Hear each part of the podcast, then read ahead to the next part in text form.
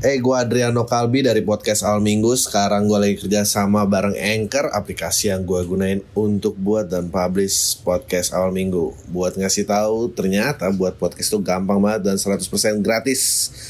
Semua yang kita perluin untuk buat podcast juga ada di Anchor, termasuk distribusi ke Spotify dan platform podcast lainnya. Yuk, download aplikasi Anchor dan bikin podcast kamu segera.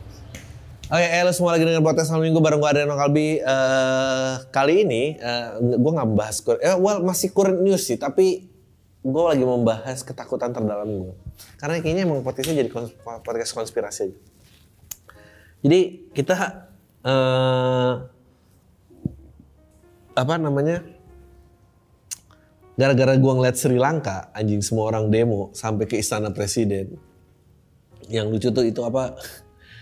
Semua berenang di kolam berenangnya istana presiden ya ampun. Air tadinya biru coklat semua saking kasihan itu. Gue tuh gue tuh takut gue tuh takut sama lihat negara bangkrut karena di tengah-tengah kita sibuk mikirin oh passion gue apa? Oh ini jangan-jangan mental health. Siapa gue sebenarnya? Bisa diterima nggak sih gue dalam hidup ini? Gue punya fungsi apa? Gue punya karya yang ingin lihat lalala itu nggak akan kelihatan kalau negara lu bangkrut. Jadi ada fondasi-fondasi kehidupan yang memang harus ditata. Ini bukan cuma tentang keinginan hati lo doang. Nah melihat Sri Lanka seperti itu, men apalah artinya passion lo mau jadi youtuber kalau negara lo bangkrut atau tiba-tiba dilanda perang seperti uh, Rusia dan Ukraina apalah yang terjadi kalau negara lo bangkrut atau dalam perang uh, eh, gue tuh jadi concern gara-gara dan gue udah nggak tahu gimana harus bersikap. Karena kayaknya semua profesi ingin melucu tapi pelawak pengen bener gitu. Jadi ini tuh tidak ada kompetensinya sebetulnya dua-duanya. Mantan pemimpin negara bilang ngapain sih ibu-ibu uh, si, apa sibuk mencari minyak goreng? Emang kerjaannya cuma goreng doang. Anjing itu sebetulnya kan format joke tapi anda tuh pekerjaannya apa? Kenapa jadi ngejok gitu? Kemarin apa lagi tuh yang buat di oh jangan cari ini kayak pokoknya banyak lah tukang bakso whatever apa itu. Lalu tiba-tiba pilar kebenaran ada di komedian ya gue sih nggak percaya. Gue mengakui tidak punya kapabilitasnya. Gue bahkan sering banget mengutarakan konten-konten men jangan contoh gue jangan lihat sosial media jangan menyamakan kehidupan karena lu kalian capek nanti. Um, Zelensky, Zelensky yang presiden Kroasia tuh. Menurut lu dia punya kapabilitasnya? Wah biasalah kelihatan. Oh ya ini di barisan paling depan lagi perang lalala. Men, itu gimmick men dia kalau dia kalau dalam peperangan nggak mungkin presiden ditaruh paling depan mati tuh. Catur aja nggak begitu susunannya. Emang lu lihat rajanya di depan kagak men rajanya di belakang. Dan itu ada hal gila yang terjadi di tengah-tengah perang tiba-tiba dia cuti untuk pemotretan majalah Vogue karena apa? Karena dia tuh seleb, seleb lu suruh mimpin negara lo ya Allah. Udah gila men, dia nggak punya kapabilitas itu tuh pelawak beneran deh. Pelawak yang nggak ada yang bilangin, mungkin karena teman-teman pelawak lainnya juga udah nggak dianggap kali sama dia. Dibilangin, eh, lu nggak mau ngelucu aja ya, jok lu tuh jelek tau, banyakkan pesannya daripada lucunya. itu mah namanya nasehat bukan lawakan anjing lah. Jok nggak kayak gitu. Itu itu benar itu harus disadari gitu. Gua gue gak gak ngerti sih ini, ini, ini kegilaan sih dalam dunia ini. Anjing gue tuh kesermat tuh semua men. Semua profesi pengen lucu men. Tapi yang pelawak pengen bener. Gimana sih ini cerita? Nggak nggak mau balik di, di ranahnya masing-masing aja ya? Ntar nih negara dipimpin orang enggak enggak loh atau negara ini bangkrut saking banyak. Makanya yang merintah juga jangan sibuk lucu. Udah merintah aja. Kalau lu sibuk lucu emang lucu tuh senjata paling ampuh karena dia membuktikan poin dengan sangat cepat. Tapi dalam membuktikan poin aja belum tentu poin itu bener. Poin itu buat ngelucu gitu. Aduh. Governing sama pointing out fakta lucu itu dua hal yang sangat jauh banget. Anjing masa kayak gini harus dibikin konten edukasi sih? Gue gila lama-lama kayak gini? Takut gue Kenapa gue nyebut itu? Karena kalau semuanya ngelawak-ngelawak di atas, men, hancur negara ini. Um, banyak hancur kayak Entah lo dari tergantungan ekonomi atau dari memelihara-memelihara oknum-oknum yang berbendera SARA. Ini yang terjadi juga dengan Iran gitu. Ada ada sebuah kelompok yang selalu dibiayai. Jadi misalnya A lawan B menang, A menang, habis itu B nggak suka. B itu dia ngasih makan nih orang-orang si penggerak-penggerak SARA ini. Nah, habis itu B menang. Nah, lalu kepentingannya dia tuh nggak dibela juga. Lalu dia dimanfaatkan nama A karena dia akan dia menurut gue kelompok-kelompok itu dia akan ikut sama siapa aja yang biayain yakin gue. Habis itu A menang, dia dikecewakan sekali lagi. Tapi nih anjing makin gede nih. Kerangkengnya kuat nggak nih buat nahannya? Suatu waktu anjingnya akan kuat jebol kandangnya sendiri dan itulah yang terjadi di Iran dan, dan gue takut negara gue kayak gitu beneran ini dikasih makan dikasih makan ini bisa dikendaliin gak sih gitu karena gue sulitnya dengan demokrasi adalah itu bukan kualitas tapi uh, kuantitas saja yang dicari dan nggak tahu ya buat apa gitu. Nah ini gue mau bacain kayak negara bangkrut. Nah pandemi perang Rusia dan Ukraina. Waktu dulu Trump itu keren banget dia tuh udah nunjuk Jerman, dia udah nunjuk Jerman.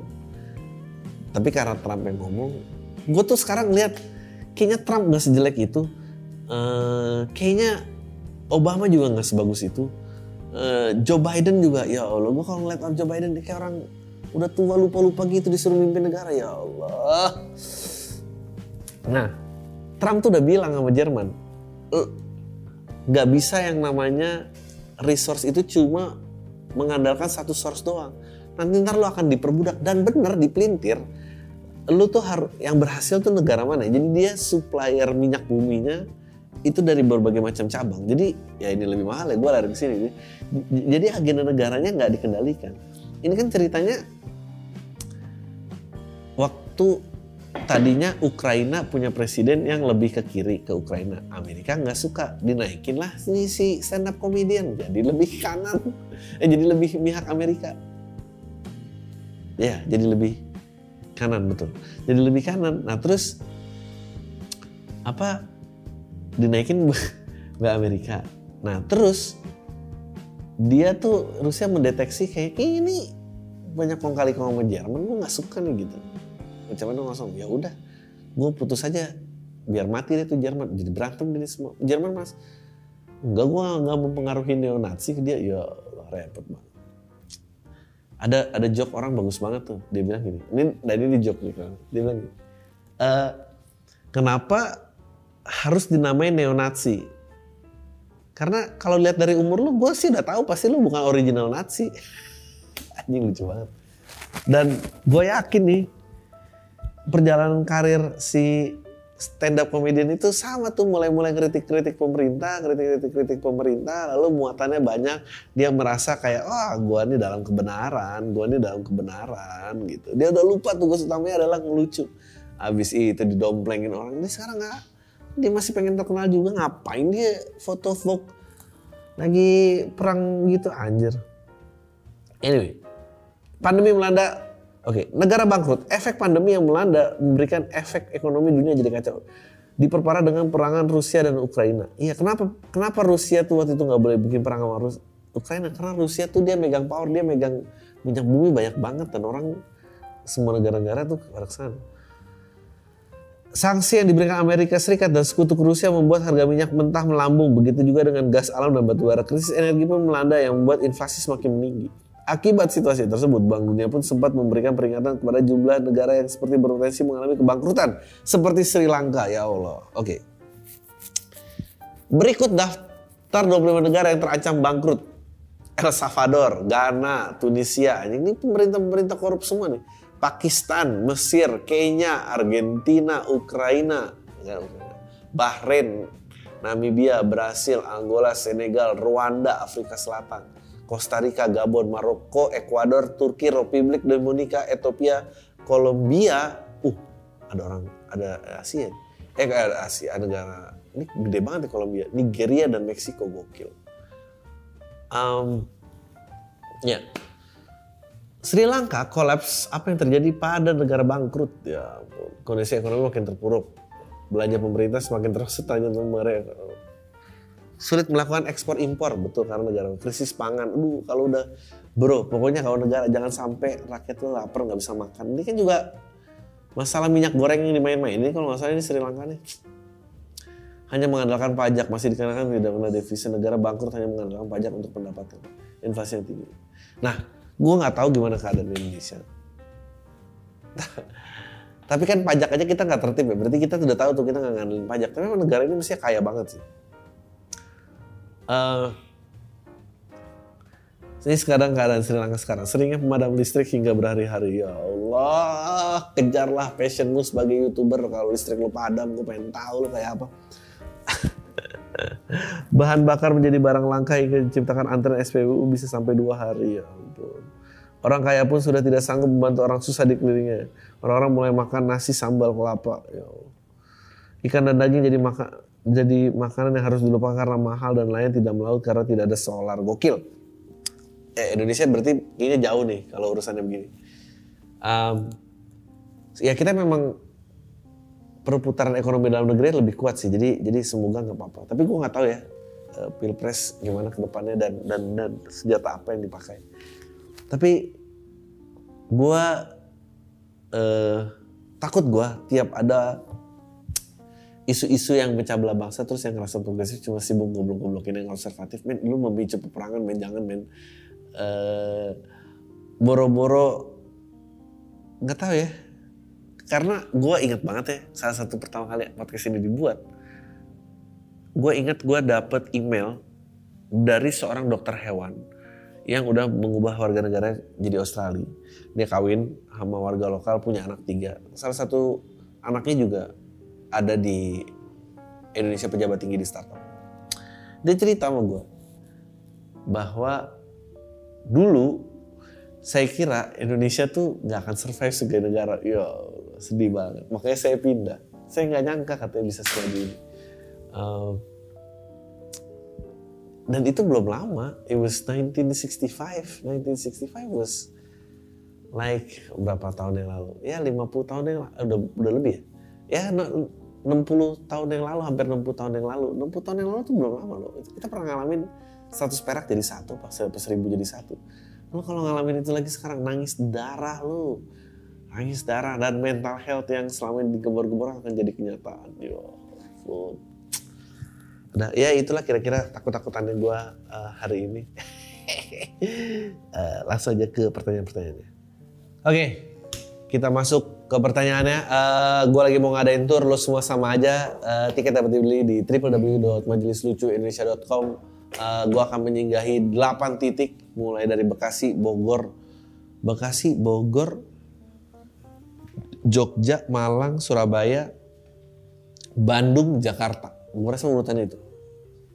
Info lengkapnya cek di Instagram atau di website Majelis Lucu Indonesia kalau belum diblokir Kominfo. Oke. okay. Uh, eh, sabar membuahkan hasil ya ampun. Assalamualaikum. Waalaikumsalam. Nama gue Abi usia 27 tahun. Mau cerita dikit aja bang. Udah kepikiran dari tahun 2019 pertengahan pas lagi banyak waktu luang. Gara-gara mikirin ide penelitian buat tesis yang akhir juga, akhirnya tiba juga hari ini. Setelah 20 bulan menganggur mencoba CPNS, BUMN, budidaya ikan, bawal. Ya Allah lucu banget. Interview-interview. Dapat juga kesempatan buat magang di perusahaan pest control setelah tiga minggu jalan. Akhirnya dapat info dari dosen buat ikut bantu di pusat studi pembangunan pertanian pedesaan. P SP3 IPB kantornya di kota yang aksesnya gampang dan punya memori sendiri soalnya waktu kecil lokasi kantor nyokap di sini. Udah sih bang gitu aja. Kalian emang bener kata orang tiap masing-masing udah ada jalannya tinggal mau sabar nunggu atau enggak. Ha, sama nih. Anjing ini cuma nyombong dong dia nggak ada nanya. Uh, uh, ya bagus lah kalau itu bekerja buat lo. Uh, mungkin karena gue udah nggak semudah lo jadi gue udah nggak terlalu sabar udah tua cuy. Bang gue mau nanya penting gak sih relasi menurut lo? Penting banget. Soalnya di kampus gue dan teman-teman gue yang lain diajak sama cutting buat masuk himpunan katanya benefit buat himpunan ada salah satu yang perluas relasi semoga dibaca. Uh, nggak tahu ya kalau relasi kampus tapi relasi itu penting kok. Uh, apa pun yang gue lakukan hari ini semua karena relasi-relasi gue nih cepet-cepet aja nih. Anjing gaji gue lumayan tapi gue minder sama driver ojol kolam tai anjing lucu banget Tolong dibaca ya. Wah lucu banget nih. Langsung aja bang, selamat siang. Gue pria 24 tahun yang udah denger podcast dari tahun 2015. Kalau lu inget gue pernah email lu di tahun 2016 buat nanya pindah keluar coba PTN atau stay sampai lu jawab. Ya udah itu pindah PTN dan udah ada pilihan atau belum. Akhirnya gara-gara lu gue belajar dari subuh sampai tengah malam sambil narik jadi driver Gojek dan alhamdulillah keterima PTN walau telat 2 tahun dibanding rata-rata teman angkatan gue. Mantap. Gue yakin lo jadi lebih sukses daripada teman-teman angkatan. Singkat cerita gue jadi ketua angkatan di kampus karena di angkatan gue bisa deket sama semua karena gue bisa deket sama semua cewek di kampus gue bang. Ya udah tua. Uh, bisa dari ini makan sama A, C, besok makan sama si B, besoknya nonton sama si C dan oh ya bang, gue dari awal udah komitmen gak mau deketin teman-teman seangkatan gue. Semua cuma sebatas temen aja. Singkat cerita gue di kampus cuma jadi mas-mas biasa aja bang. Ya namanya juga mahasiswa. Jarang makan, makan sesuai budget. Bahkan pernah puasa sampai tiga hari berturut-turut karena duit kepake buat kepanitiaan udah pernah gue rasain semua bang.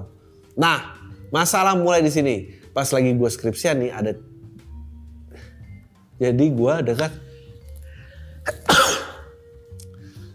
Pas gue lagi skripsian nih, gue jadi ada deket sama satu orang yang temen gue bang. Ini cewek udah berapa kali gue ajak makan di luar cuma berdua aja mau bang.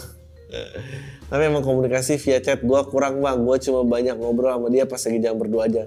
Tiap jalan ngobrol gue bisa makan dari maghrib terus ngobrol abis makan sampai jam 10 11 malam happy banget gue bang nah pas jalan yang ketiga keempat gue lupa tempatnya gue dengan gobloknya nanya tuh bang eh kita tuh mungkin gak sih lebih dari temen gue kalau beda lo kayak yang lain emang dasar anjing dijawab loh kamu serius kita nggak temenan aja aku baru kali ini lo punya temen cowok sedekat ini anjing lah gue goblok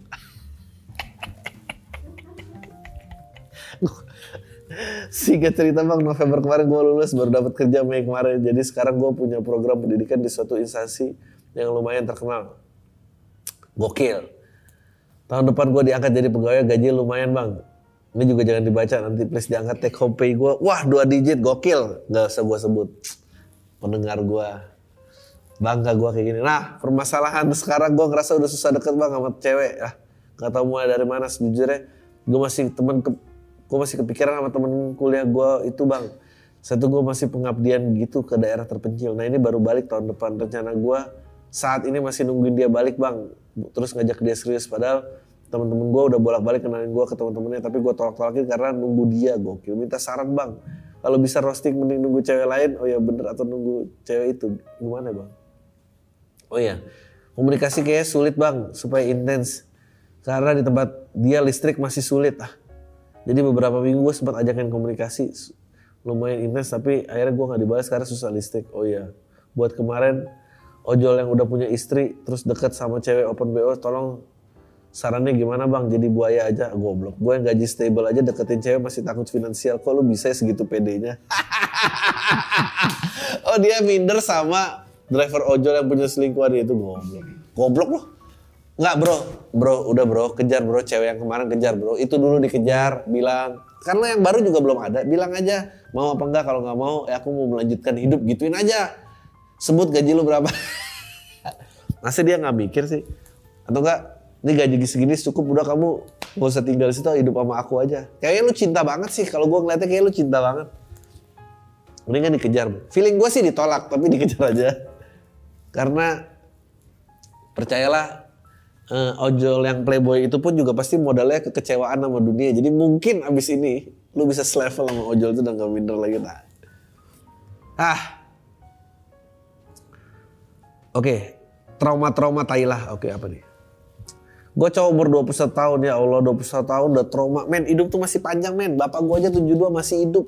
Lu tau gak sih? Itu masih tiga kali lagi dari 21 lebih bahkan.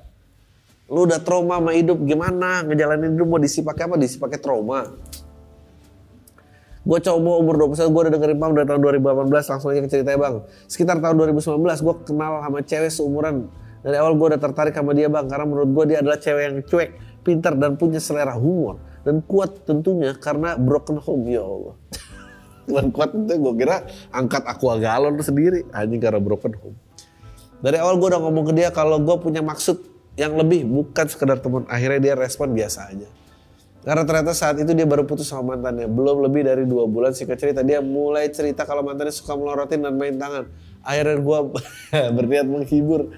Seiring berjalan gue semakin jatuh hati. Gila bang emang gak semudah yang dibayangkan karena gue rasa dia udah punya rasa trauma yang cukup dalam sehingga gue berusaha ngedeketin dia selama tiga tahun. Ini dari pertengahan 2019 sampai April tahun ini. Gue udah sering ngajak dia keluar bahkan dia tipe kalau ayahnya itu tuh orang yang tertutup dan tiba-tiba dia welcome dan bikin gue ngerasa pede singkat cerita.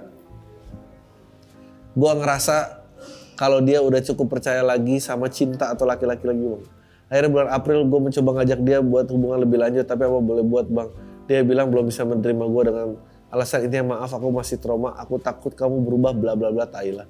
Padahal selama itu gue udah beri dia yang terbaik versi gue bang. Maksud gue gue harus berapa tahun lagi bang biar dia percaya gue juga udah menghindar perilaku apa yang harus gue dilakukan mantannya akhirnya gue memutuskan untuk menghapus keinginan itu untuk pacaran sama dia sekarang masih berhubungan sih tapi gue sedikit menjauh. Sebetulnya gue pengen lanjutin karena gue sama dia punya banyak kemiripan tapi gue takut buang-buang waktu lagi bang. Kalau menurut lo gimana? Gue lanjutin atau dan nunjukin ke dia atau mending tinggalin aja? Makasih banyak bang. Maaf kalau banyak gue tunggu spesial show ketiganya. Lo semua sama aja. Bisa dibeli di www.majelisuciindonesia.com ah menurut gue menurut gue lo tinggalin lo bilang ke dia kalau kamu udah ngerti cowok baik itu harusnya gimana baru kamu cari aku aku juga nggak mau nunjukin kamu yang nggak mau maju kayak gini gitu habis itu lo tinggal tinggal men udah lo pergi aja aku juga nggak bisa nanti ntar aku ikut sakit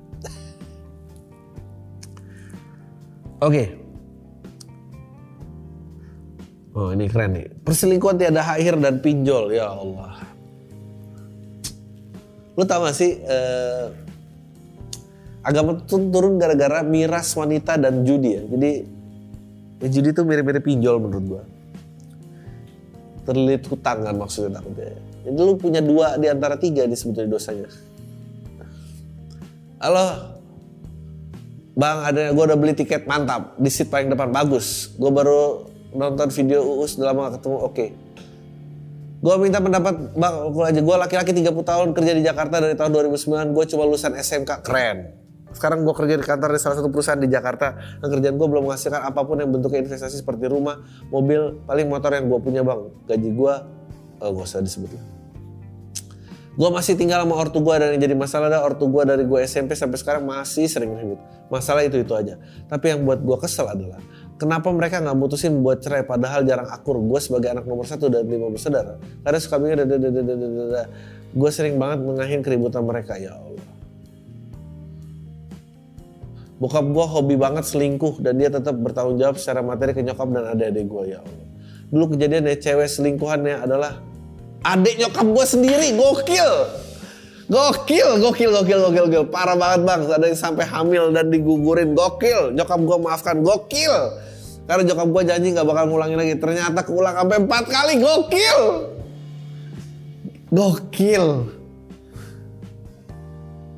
Kalau kata lo kan satu kali dicoba apa dua kali gue lupa bang. Tapi kalau udah tiga kali itu pelanggan tetap ya iya bener. Jadi susah dibenerin. Iya bener. Sekali itu hoki. Karena nggak berharap kejadian. Dua kali kesalahan. Karena bilangnya katanya cuma sekali tapi dua kali gitu. Tiga kali itu pelanggan tetap namanya. Nah sekarang di kala masalah itu belum selesai, adek gue kelilit pinjol 100 juta lebih. Wah Allah. Di akun dia 60 juta, ke akun temen-temennya dia minjem di rentenir kampung 170 juta lebih. Gokil. Itu kan total 330 juta bang, ya Allah gede banget. Mungkin buat Bang Ade 300, 300 juta mah kecil kali. Ntar lo nggak mau dengerin podcast ini lah. ya 300 juta gede anjing. Lanjut bang, ya Allah. Gimana 6 juta sampai 300 juta gitu ya ampun. Ini puasa nggak pakai buka aja berapa bulan itu? 50 bulan anjing. Aduh. Dia juga nyicil kredit kartu gue itu juga 4 juta dan gue nyicilin sebisa gue. Ya Allah, gila hidup lo. Bro, lo ngapain beli tiket show gue bro? Anjing, kasihan bro kalau Jual lagi aja siapa tahu cuan lah. Astaga, lu yakin lo prioritas lu komedi di tengah-tengah bapak ngambilin adik ipar sendiri? Dan adik kelilit pinjol? Aduh ya Allah. Ampara lagi pinjam ke rentenir atas nama nyokap gue bang. Ya Allah jadi nyokap gue disuruh adik gue pinjam ke rentenir. Sekarang dia nyicil gajinya dia dibantu dari adik gue yang keempat kerja di luar negeri. Gokil. Gue sedih bang nama nyokap gue dikorbanin gitu ya sama adik gue sebagai anak. Gue pengen bantu nyokap bersih namanya tapi gue belum mampu menurut lu bang gue cabut dari rumah dan ninggalin nyokap gue yang lagi apa apa curhatnya sama gue atau di rumah gue bener-bener gak betah bang gak nyaman datang didatengin kok dia, dia kolektor mulu ya iyalah Adek gue udah nikah bang, dia perempuan sekarang punya anak dua. Yang ngutang 300 juta, adek lo perempuan. Ya Allah. Hey, gue Adriano Kalbi dari podcast Al Minggu. Sekarang gue lagi kerja sama bareng Anchor, aplikasi yang gue gunain untuk buat dan publish podcast Al Minggu. Buat ngasih tahu, ternyata buat podcast itu gampang banget dan 100% gratis. Semua yang kita perluin untuk buat podcast juga ada di Anchor termasuk distribusi ke Spotify dan platform podcast lainnya. Yuk download aplikasi Anchor dan bikin podcast kamu segera. Supaya gue gak ganggu sama konflik-konflik yang buruk mental gue. Gue udah 30 tahun dan belum nikah bang. Gue pengen punya kehidupan yang nyaman. Tapi gue masih tinggal di rumah gue. Ya Allah. By the way gue gitaris bang. Gue punya lagu juga di Spotify. Ya ampun. Kemarin di YouTube Us gue denger lu ngomong kalau jernih isi gelas karena kita harus buang isinya sampai benar-benar bersih. Jadi gue cabut dari rumah ini dan ngerubah resort gue. Menurut lu gimana bang? Anjing ya? Bro, ini boleh juga dicari nih, ntar gue dengerin deh review ke review jujurnya lagu lo. Mestinya sih kalau lu semen derita ini lagu lu bagus ya. Paling gak bisa dijadiin ini, bro. Tapi lu harus nulis lirik. Menurut gue ini gue gue kasih saran. Gue tahu. Gue yakin lagu lu tuh gak mencerminkan kehidupan realita lu. Kalau lu mau bikin lagu bagus, lu pakai lagu lu. Bapak gue ngambil empat kali tapi dia bagus bro, getir bro lagunya bro bagus. Gini, menurut gua ya, lu gampar bapak lu sekali. Gamparnya bapak lu sekali. Biar dia tahu ada yang kecewa sama dia. Abis itu lu bilang ke ibu lu, lu mau cabut dari rumah, tapi lu gak akan lari dari tanggung jawab. Gimana caranya? Pikir, dengan tidak ada gangguan di rumah, kalau gaji lu doang terus cuma segitu, dengan tidak ada gangguan lu bisa gak bikin gaji lu lebih gede? Cari waktunya bayar pakai badan lu. Karena kalau nungguin bapak lo tobat kayaknya sih nggak mungkin ya. Bapak lo kalau nggak aborsi itu mungkin ada lo nggak punya utang. Anjing sedih banget ceritanya ya Allah. Maaf ya gue ngatain lo. Tapi ini hidup malang banget ini. Ada lo juga ngapain sih sampai utang 330 juta anjing lah. Perempuan utang 300 juta ngapain dia? Aduh, ibu lo Menurut gue lo harus bilang ibu lo, bu udah bu tinggalin aja apalagi yang ditunggu aborsi kelima gitu. Udah bro. Kalau gue gitu, gue gampar bapak gue dan habis itu gue cabut. Pacaran beda server. Apa sih ini beda Tuhan ya? Halo Bang Adri, gue mahasiswa di salah satu universitas di Bogor. Waktu gue masuk kuliah, gue punya pacar, dia anak berada dan masih di tahap akan glowing ya Allah. Sedangkan gue masyarakat menengah yang biasa-biasa aja dalam prestasi maupun wajah. Di tahun kedua gue putus karena ketahuan dekat dengan komiti kelas gue ya Allah. Udah tahu lo biasa aja masih deketin orang. Gue sering jalan berdoa bareng padahal masih pacaran sama mantan gue ini bang. Singkat cerita cekcok dan putuslah kami.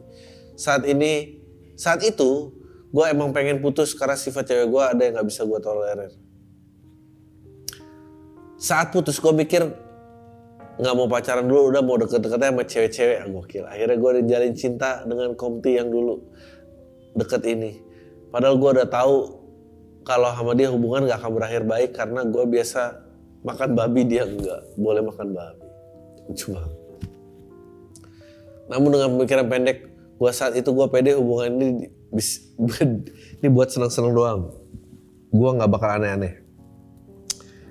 Juga ntar pas mau pisah mudah karena cewek ini malah jadi lengket sama gue bang karena nggak bisa hidup tanpa gue mungkin efek udah jadi kesarang burung gue bang. Kayak ah Tai. dan sekarang udah tahun keempat gue mau udah sidang skripsi skripsi gue makin kepikiran gimana caranya mengakhiri hubungan ini karena kalau gue terusin nanti keluarga bakal sedih. Tapi kalau gue mendadak akhiri cewek gue ini sedih gue udah mencoba bersikap jadi cowok brengsek biar dia benci dan gak jesel kalau pisah sama gue bang tapi dia masih maafin dan gak pengen pisah. Gue pengen tahu dari pandangan lu goblok nih orang. Saran lu gimana yuk? Terima kasih sampai ketemu di lo semua sama aja Bogor mantap menurut gua kayak cabut plester aja bro. Udah yang cepet aja bro. Lambat-lambat gitu ya ampun bulu kaki ketarik apa ini sakit yang cepet aja udah sikat lah. Ngapain sih ada yang kayak gini-gini? Udah lama makin lama makin susah pasti. Oke. Kecil ngeyel. Keresahan om-om deketin ABG oke mantap. Gue suka nih Gua pria 27 tahun anjing lo 27 tahun gak om-om bangsat lo. Gua kira lo apa? Sulit dapat pasangan 4 tahun belakangnya percintaan gua rumit. Ada yang tanpa status PDKT. Emang 27 tahun tuh tak, makin rumit dan makin gelap. Gak selingkuh aja berasa selingkuh semua anjing. Ada yang tanpa status PDKT gagal dan lain-lain. Sedangkan di umur gua gini gua agak ngebet pengen nikah. Oke. Gua bukan orang mampu. Tapi seenggaknya punya pekerjaan tetap dan pede buat nikah. Gua ini cowok yang nggak banyak nilai plus juga, ya Allah. Cuma modal baik dan lucu doang, ya ampun.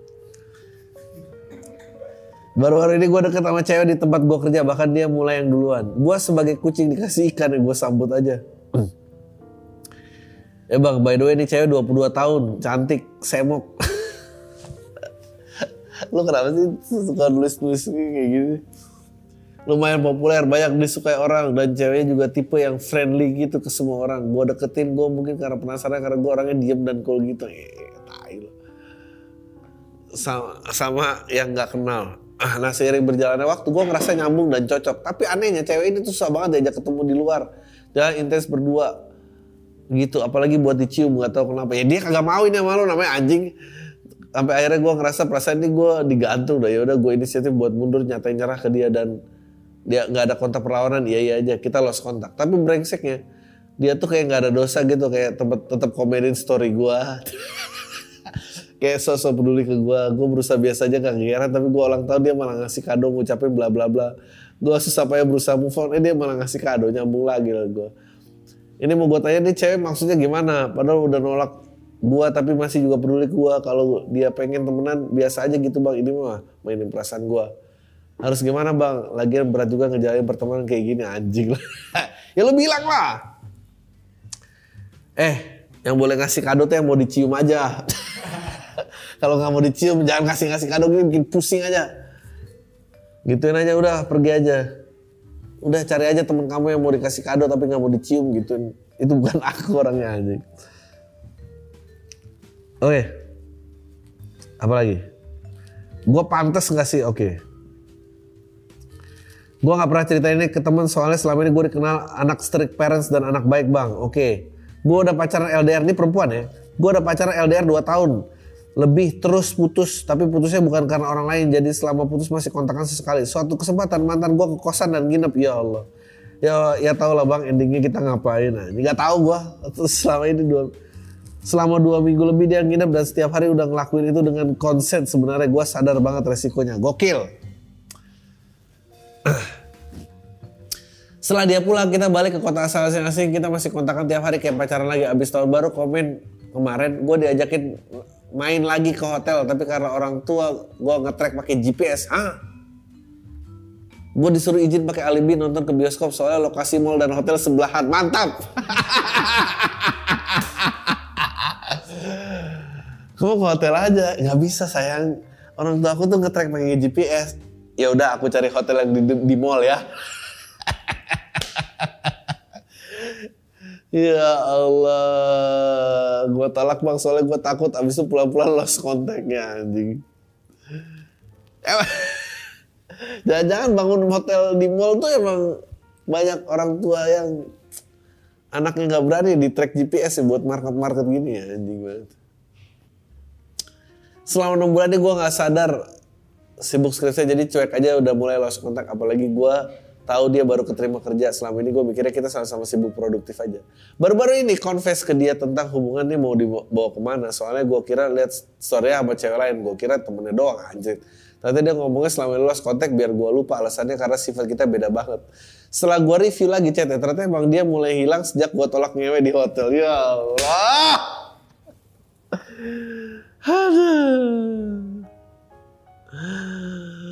gue udah gak ngarep dia balik tapi gue jadi minder bang gue pantas gak sih bang dapat pasangan lagi gue baru umur 2 tahun pantas goblok Kenapa sih kayak gini?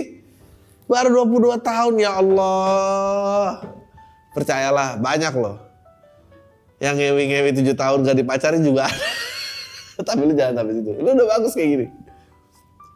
Dua minggu doang. Hidup gue masih panjang dan gue nggak memandang selaput darah itu sepenting itu betul. Tapi minder karena gue udah paling berdosa banget lingkungan gue bang. Ya elah enggak enggak bener deh percaya. Carilah lelaki yang yang cari lelaki yang bisa menerima itu juga banyak kok. Lo main lu kurang jauh, beneran dah. Banyak kok. Kalau cuma ngide cari mall yang sama hotel gitu, ya Allah semua cowok juga bisa. Ganti, udah. Gantinya, lu masih pantas 22 tahun, hidup masih panjang. Tenang aja. Oke, terjebak dengan cewek yang tidak dicintai. Ya Allah. Bang, semoga lu dan kru sehat selalu berlimpah rezeki. Amin. Gua pengen, gue dengerin lu sejak pandemi. Logika dan jokes lu kadang nyebelin tapi ngangenin. Mantap. Gue langsung aja gue mau cerita pendapat lu. Menurut lu baiknya gimana? Gue cowok umur 29 tahun. Di, dengan posisi karir yang termasuk lancar dekat dengan direksi di perusahaan FMCG. FMCG kalau yang nggak tahu itu fast moving consumer goods. Kayak snack, gitu-gitulah. Yang produknya ada di mana? Gue salah satu karyawan. Gue ada salah satu karyawan cewek seumuran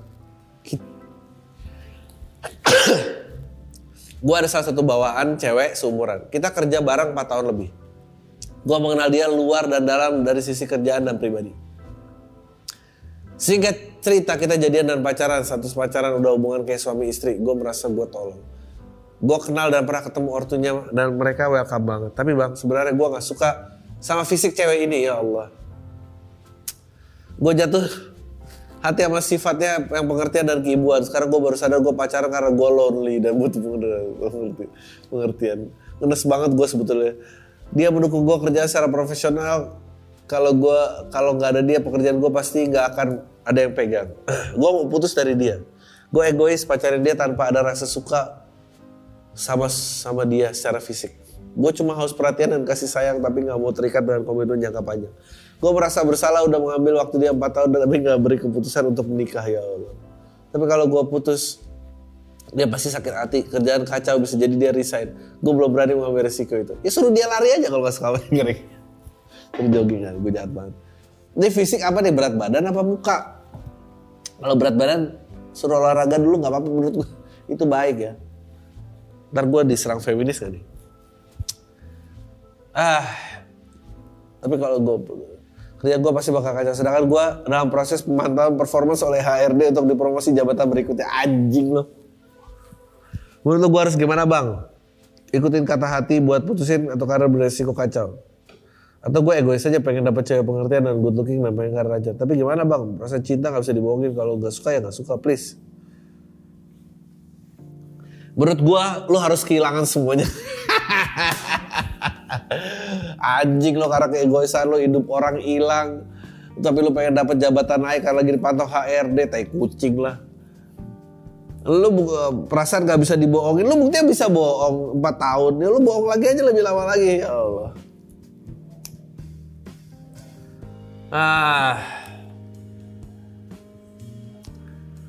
Oke, apa lagi? Hai Bang Adri cuma mau bilang gila banget level fame lu sekarang udah mesti war dulu untuk dapetin tiket nonton lu sama, sama aja. Aduh makasih ya, maaf ya. Oke.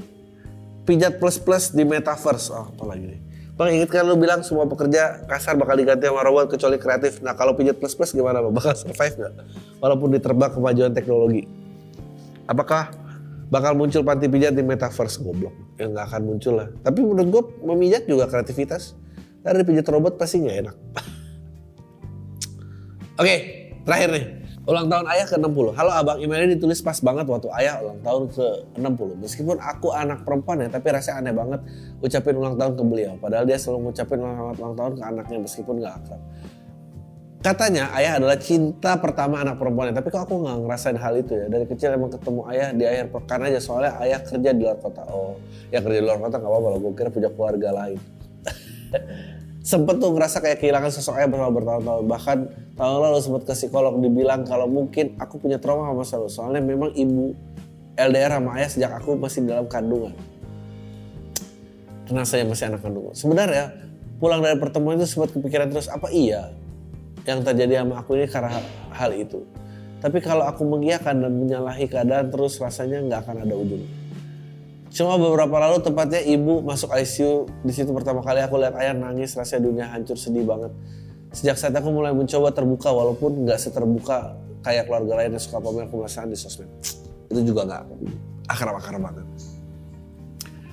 Kalau lihat ada beberapa orang yang merasa orang tuanya nggak kayak apa yang mereka harapkan juga pengen noyer rasanya. Orang tua itu mungkin juga nggak pengen punya anak kayak gitu juga. Sekarang juga kayaknya lebih nerima aja gitu nggak usah ngotot ini itu sampai bikin berantem. Terakhir nih bang, semoga ayah diberikan panjang umur dan rezeki berlimpah dan tolong kalau mau berhubungan seksual sama ibu lihat kondisi dulu repot kan. Kalau begitu lagi ada tamu anjing, manggilnya nggak enak. Goblok. Goblok. Makasih bang udah email. Uh, ya menurut gua uh, utarakan apa yang harus bisa lu utarain sebisa mungkin. Meskipun gue sering bilang ya lebih cepat ditunggu mati daripada berubah. Uh, tapi maksud dari kalimat itu adalah bukan nungguin mati ya, tapi lebih kayak ya lo kalau melakukan sesuatu yang positif, yang ikhlas aja nggak usah ngarepin berubah. Dan ntar kalau lo nggak lakuin takutnya lo nyesal. Gue rasa beliau lelaki yang bertanggung jawab ya. Jadi gue rasa mesti dia baik. Itu aja dari gue. Taylor Day